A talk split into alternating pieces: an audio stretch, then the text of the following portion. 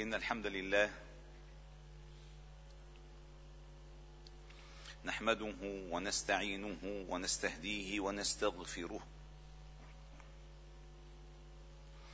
ونعوذ بالله تعالى من شرور أنفسنا وسيئات أعمالنا. من يهده الله فهو المهتد ومن يضلل فلن تجد له وليا مرشدا. ومن لم يجعل الله له نورا فما له من نور.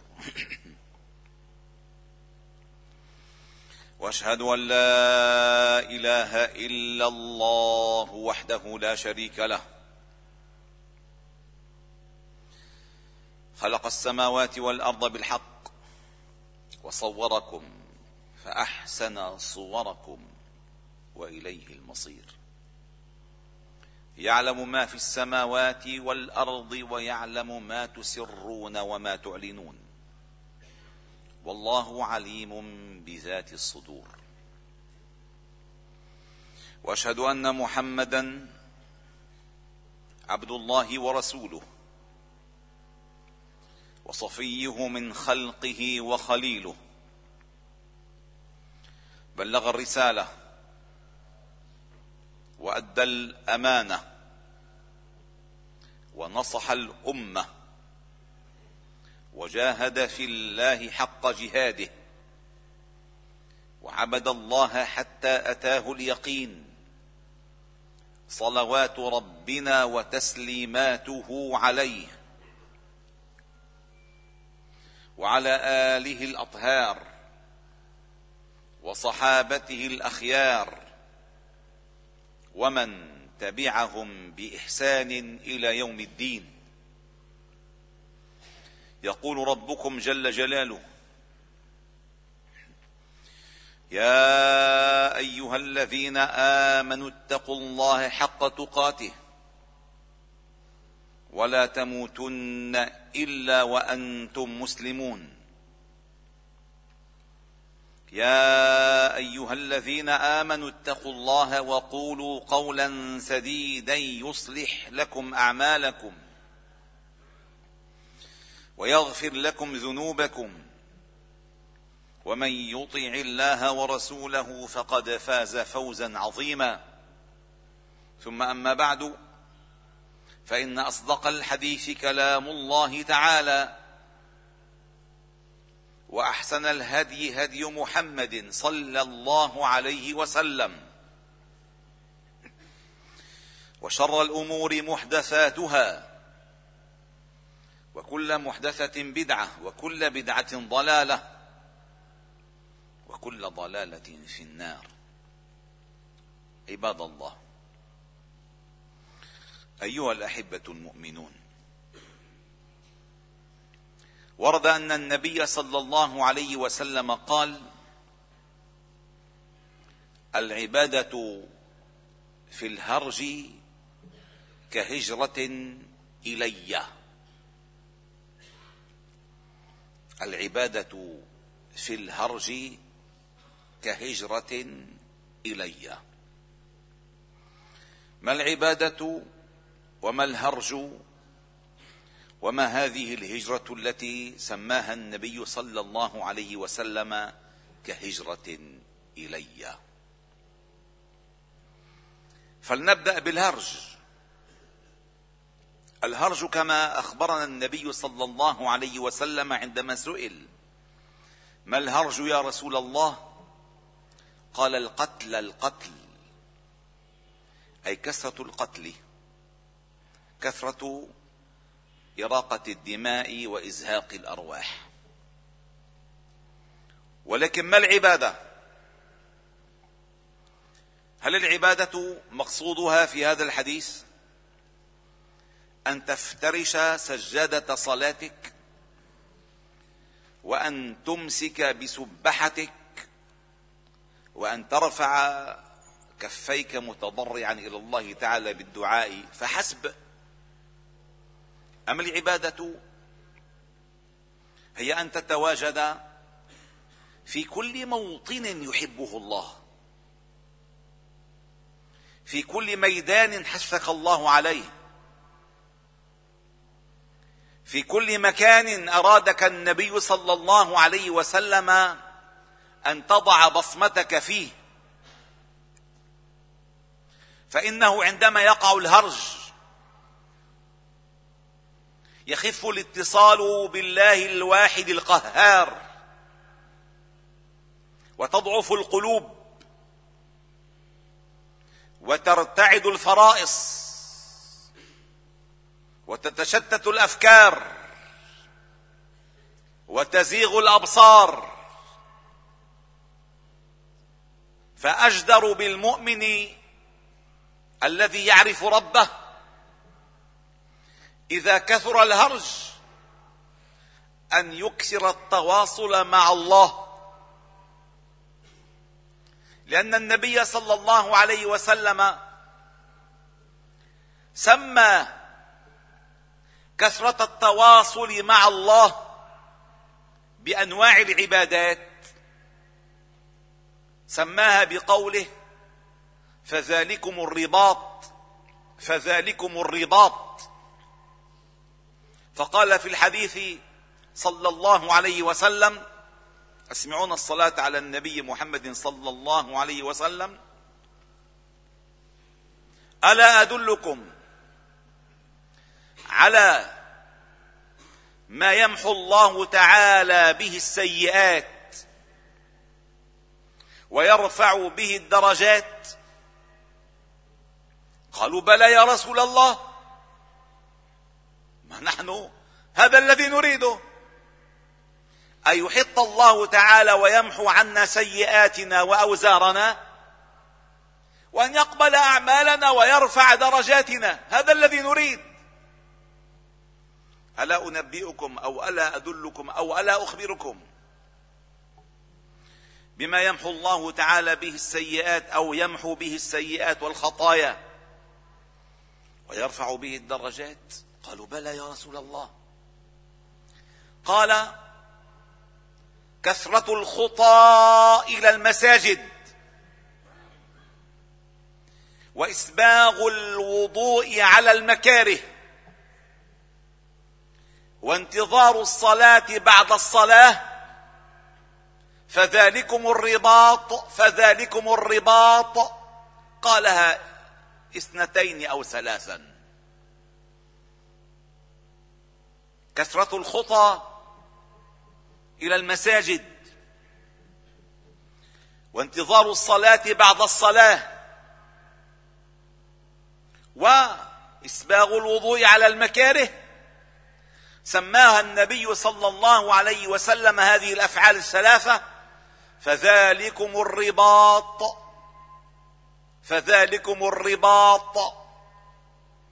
عندما يكثر الهرج والفتن.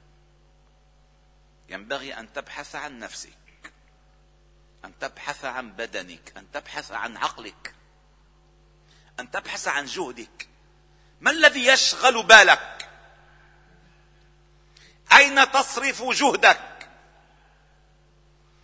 أين تمضي وقتك؟ كثر الهرج أم لم يكثر الهرج؟ كثر الهرج. كثرت الزلازل أم لم تكثر الزلازل؟ كثرت الزلازل. كثرت البلايا أو أم لم تكثر البلايا كثرت البلايا. النبي صلى الله عليه وسلم عندما قال عبادة في الهرج كهجرة إلي وفصل لنا في هذا الحديث معنى الرباط. والرباط هو الاستعداد. ما معنى الرباط؟ الاستعداد فالله جل جلاله قال وأعدوا لهم ما استطعتم من قوة ومن رباط الخيل. ترهبون به عدو الله وعدوكم وآخرين من دونهم لا تعلمونهم. هذا الرباط ونحن في بلاد الرباط. بلاد الشام هي بلاد الرباط إلى يوم القيامة. وأجر المرابط في سبيل الله كأجر المجاهد في سبيل الله. والله جل جلاله حرمهما على النار. ليلة تحرس فيها ترابط فيها في سبيل الله. يحرم الله تعالى جسدك على النار ليلة واحدة. فلنتعرف على معاني وميادين الرباط. هل لنا أو علنا أن نرى لأنفسنا حبالا معلقة بهذه الميادين. قال كثرة الخطى إلى المساجد. هذه المساجد التي ستمتلئ إن شاء الله تعالى في رمضان وتمتلئ بالشبان والشابات والصغار والكبار. من تالين لكتاب الله أو قائمين أو مصلين. هذه الخطى لا ينبغي أن تكثر فقط في رمضان بل ينبغي أن تكون على مدار العام. كثرة الخطى إلى المساجد والمساجد هي احاب البقاع إلى الله. فإن كنت من محبي الله فإنك إذا ستتواجد في الأماكن التي يحبها الله. الله يحب المساجد. بل ينزل ملائكته الكرام الأبرار الأطهار حتى تحف المصلين القائمين الذاكرين بأجنحتها. أشرفوا أشرفوا بقع الأرض على الإطلاق المساجد. ولنا خطب كثيرة في فضائل المساجد ولكن الذي يعنينا الآن عندما ترى الناس يكثرون الخطى إلى اللهو إلى الفحش إلى الفجور إلى الفسق إلى الغفلة. وترى البلايا والرزايا نازلة الواحدة تلو الأخرى. وأنت مسلم وأنت مؤمن أين ينبغي أن تكون خطاك؟ وأين ينبغي أن تضع خطواتك؟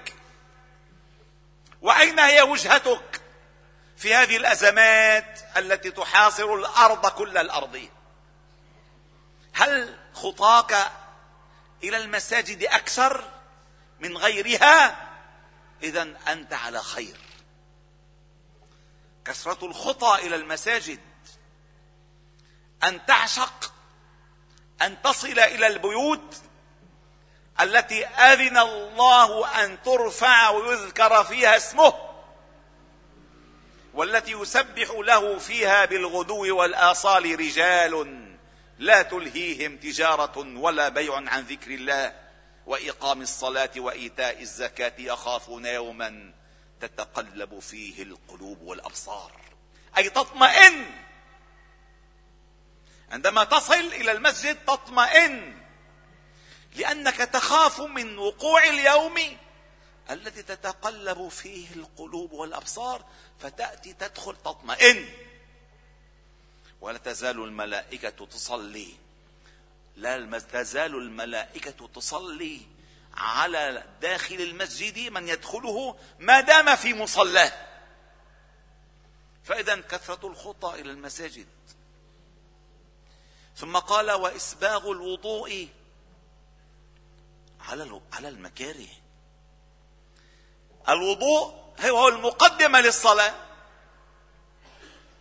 وسئل أحد العلماء كيف يمكننا أن نشعر بالخشوع في صلاتنا؟ فأجاب جوابا ذكيا فقال ابحث عن حسن وضوئك تكتشف في صلاتك خشوعك. يعني كيف تستعد للقيام بين يدي الله؟ هل فقط مطلوب أن تغسل وجهك ويديك وتمسح رأسك وتغسل رجليك؟ أم أن هذه الطهارة مقدمة لطهارة نفسك وعقلك وروحك وفكرك. كيف ستقف بين يدي الله؟ فالخشوع يبدأ في صلاتك منذ أول قطرة ماء تنزل على بدنك لأنها رحلة الاستعداد إلى القيام إلى الصلاة إلى الركوع إلى السجود. من هنا يبدأ الخشوع. فلذلك عندما تسبغ الوضوء على المكاره في بردك في مرضك في دفئك في قلة الماء. تسبغ الوضوء تحسن الوضوء لتحسن القيامه بين يدي الله. هذا بحد نفسه مجاهدة ومصابرة. فحسن الاستعداد للاستقبال يضاهي فعل الاستقبال. عندما يقال لك أنه سيأتيك ضيف الساعة الواحدة ظهرا. تنشغل تنشغل بالتحضير له. مذ أن يؤذن مذ أن يؤذن الفجر. لأنه استعدادك للاستقبال هو حسن استقبال. وأنت في وضوئك تستعد لأن تناجي ربك. فك... فإسباغ الوضوء تستحضر عظمة الله. وأنت تطهر بدنك. لأن الطهور شطر الإيمان. نصف الإيمان في الطهارة. فتطهر بدنك لتطهر روحك. تطهر أو تغسل يديك لتكف بها عن الحرام. تمضمض فمك لتكف لسانك عن الأذى. تمسح رأسك لتترفع بالسجود إلا لله. هذه تستشعر المعاني بمعنى إسباغ الوضوء على المكاره وانتظار الصلاة بعد الصلاة. ما إن أن تنتهي الصلاة حتى تشتاق للصلاة الأخرى. حتى تشتاق للصلاة الأخرى. قال فذلكم الرباط. فذلكم الرباط. فإذا كثرت الخطى إلى الملاهي فلنكثر الخطى إلى المعابد. إذا كثرت الخطى إلى أماكن الفسق فلنكثر الخطى إلى أماكن دخول الملائكة. هذا الرباط ومعنى الرباط أي أن الله جل جلاله يربط على قلبك يثبتك على دينك يحصنك من الفتن ألا تذكرون أن الله جل جلاله عندما ذكر لنا قصة أصحاب الكهف وكيف هؤلاء القوم الفتية إنهم فتية آمنوا بربهم وزدناهم هدى وربطنا على قلوبهم. الرباط وربطنا على قلوبهم. إذ قاموا فقالوا ربنا رب السماوات والأرض لن ندعو من دونه إلها. لقد قلنا إذا شططا ثم ختم القصة بقوله واتل ما أوحي إليك من كتاب ربك. لا مبدل لكلماته ولن تجد من دونه ملتحدا واصبر نفسك مع الذين يدعون ربهم بالغداة والعشي يريدون وجهه. ولا تعد عيناك عنهم. تريد زينة الحياة الدنيا ولا تطع من أغفلنا قلبه عن ذكرنا واتبع هواه وكان أمره فرطا. هذا هو الرباط. اولا أن تربط نفسك بالوحي. واتل ما أوحي إليك من كتاب ربك. لا مبدل لكلماته. ولن تجد من دونه ملتحدا. هذا أول مربط. المربط الثاني واصبر نفسك مع الذين يدعون ربهم بالغداة والعشي. أين أنت من الراكعين؟ أين أنت من القانتين؟ أين أنت من المصلين؟ أين أنت من الذاكرين؟ أين أنت من المتقين؟ إن عليك أن تكون في جماعة المسلمين حتى تكون مرابطا.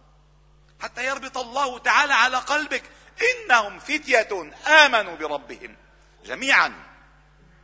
وزدناهم هدى جميعا.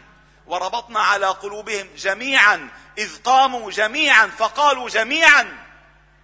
هذه السلة المؤمنة التي ينبغي أن نتمسك بها حين تكثر الفتن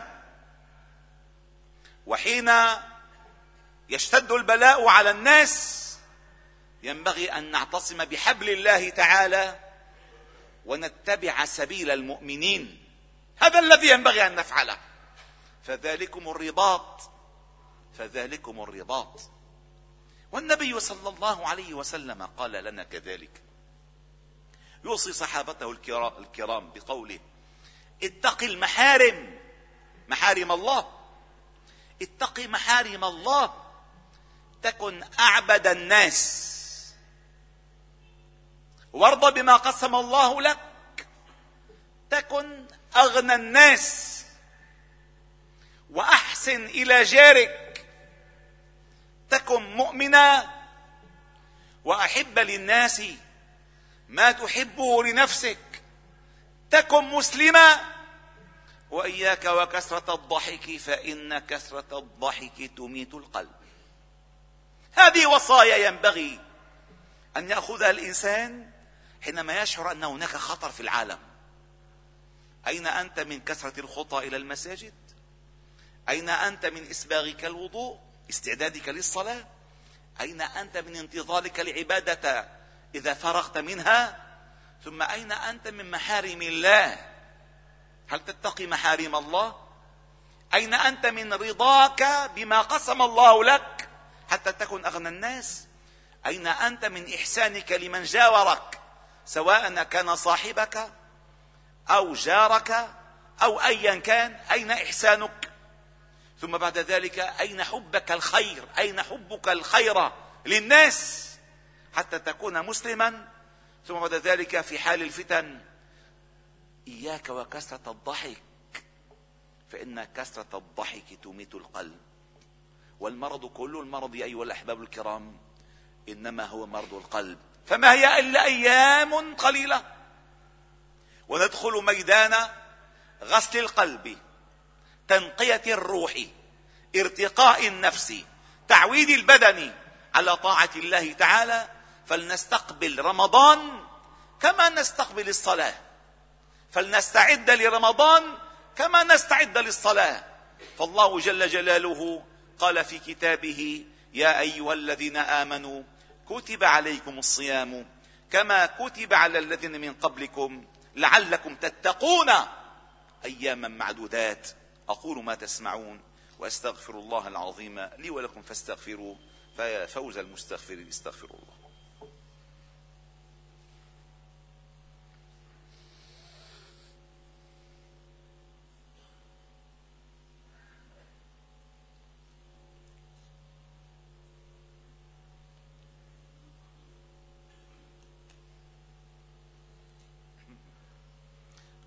الحمد لله وكفى. وسلام على عباده الذين اصطفى. وأشهد أن لا إله إلا الله وحده نصر عبده وأعز جنده وصدق وعده وهزم الأحزاب وحده. لا شيء قبله ولا شيء بعده. ولا نعبد إلا إياه. مخلصين له الدين ولو كره الكافرون. وأشهد أن محمدا عبده ورسوله وصفيه من خلقه وخليله.